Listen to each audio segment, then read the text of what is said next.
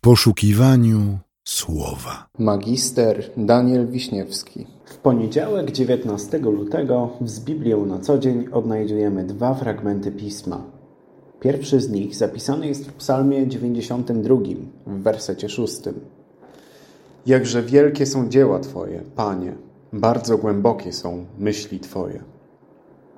Drugi fragment pochodzi z objawienia świętego Jana, z rozdziału 15, z wersetu 3. Wielkie i dziwne są dzieła Twoje, Panie Boże Wszechmogący. Sprawiedliwe są drogi Twoje, Królu Narodów. W czas pasyjny, jako Kościół, reflektujemy nad tym, co przechodził Jezus, by przynieść nam światło zbawienia, z jakimi próbami musiał sobie radzić, jakie przeciwności losu musiał znosić. A wszystko po to, by w tym życiu móc podążać Bożą drogą możliwie jak najlepiej. Z Jezusa czerpiąc inspirację. Dlatego, szczególnie w tym czasie pasyjnym, warto się zastanowić, jaka tak właściwie jest ta Boża droga. Z czym się wiąże, jak się nią kroczy i co czeka na jej końcu. Zacznę od przytoczenia pewnej historii, która moim zdaniem dosyć trafnie to obrazuje, jak ta Boża droga może wyglądać. Ta historia wydarzyła się w Japonii podczas II wojny światowej. Amerykański bombowiec wystartował z bazy z prostą misją: dolecieć na terytorium wrogiego im kraju i zbombardować ustalony przez dowództwo cel. Wykonanie rozkazu okazało się jednak niemożliwe, gdyż punkt zrzutu zasłonięty był przez gęste chmury. Pilot podrapał się po głowie, pomyślał i jako, że był oparty, to stwierdził tak. No dobrze, są niby te chmury, ale nie wszystko stracone. Ja jeszcze ten rozkaz wykonam. Mam dużo paliwa w baku, pogrążę w koło. Kto wie, może mi się uda przeczekać to zachmurzenie i dokończyć misję. No i tak też uczynił. Latał w kółko, utrzymując się mniej więcej w tym samym miejscu. Jednak chmury nie przemijały. I w końcu po pewnym czasie paliwo zaczęło się kończyć i samolot trzeba było zawrócić do bazy. Pilot wykrzywił się w geście niezadowolenia, no ale zawrócił. I w momencie, gdy zawrócił, Przeleciał może jakieś pięć minut drogi. Właśnie wtedy chmury zaczęły się rozchodzić. Ale już wrócić na miejsce zrzutu nie można było. Ilość paliwa na to nie pozwalała. No i tak wylądował z powrotem w swojej bazie.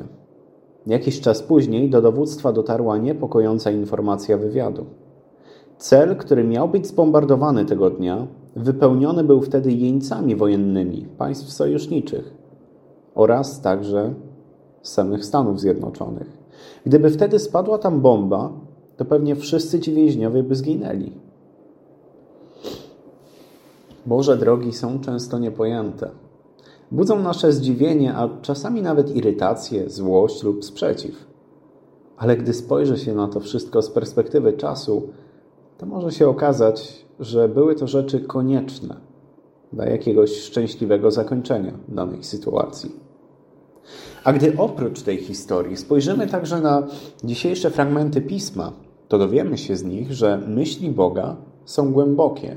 Jego dzieła są wielkie i dziwne, kierunki, w które nas prowadzi, są sprawiedliwe i doprowadzą nas w końcu do czegoś wspaniałego. Spójrzmy chociażby na pierwszy z tych tekstów, na Psalm 92 i przeczytajmy go wraz z towarzyszącymi mu wersetami. Dobrze jest dziękować Panu i opiewać imię Twe, o Najwyższy, obwieszczać z rana łaskę Twoją, a w nocy wierność Twoją. Na lutni o dziesięciu strunach i na harfie przy dźwięku cytry, bo rozweseliłeś mnie, Panie, czynami Twymi. Raduję się z dzieł rąk Twoich. Jakże wielkie są dzieła Twoje, Panie, bardzo głębokie są myśli Twoje. Człowiek nierozumny nie zna ich, a głupi nie pojmuje tego choć wyrastają bezbożni jak ziele i kwitną wszyscy złoczyńcy, i tak zginą na zawsze. Ty zaś, Panie, jesteś wywyższony na wieki, bo oto nieprzyjaciele Twoi, Panie, bo oto nieprzyjaciele Twoi zginą, pójdą w rozsypkę wszyscy złoczyńcy. Dlatego warto jest poznawać Jego drogi i próbować nimi chodzić, bo wtedy mamy pewność, że Bóg będzie nas wspierał i nie pozwoli, żebyśmy zginęli na wieki. I oczywiście to nie zawsze będzie łatwe. Czasami te kroki, ta Boża droga będzie od nas wymagała pożegnania się z naszymi nawykami, przyzwyczajeniami, poglądami, przedmiotami, a może nawet ludźmi. Ale zawsze, i o tym zapewnia nas Pismo, gdy już przez tą drogę przejdziemy i staniemy na szczycie góry, przyznamy sami, sami do siebie. Było warto. A to dzisiejsze rozważanie niech zakończą słowa jednego z ojców Kościoła, Augustyna z Hippony, które znajdziemy również w dzisiejszym z Biblią na co dzień. Ty nigdy od nas nie odchodzisz, a jednak trudno nam do Ciebie powrócić.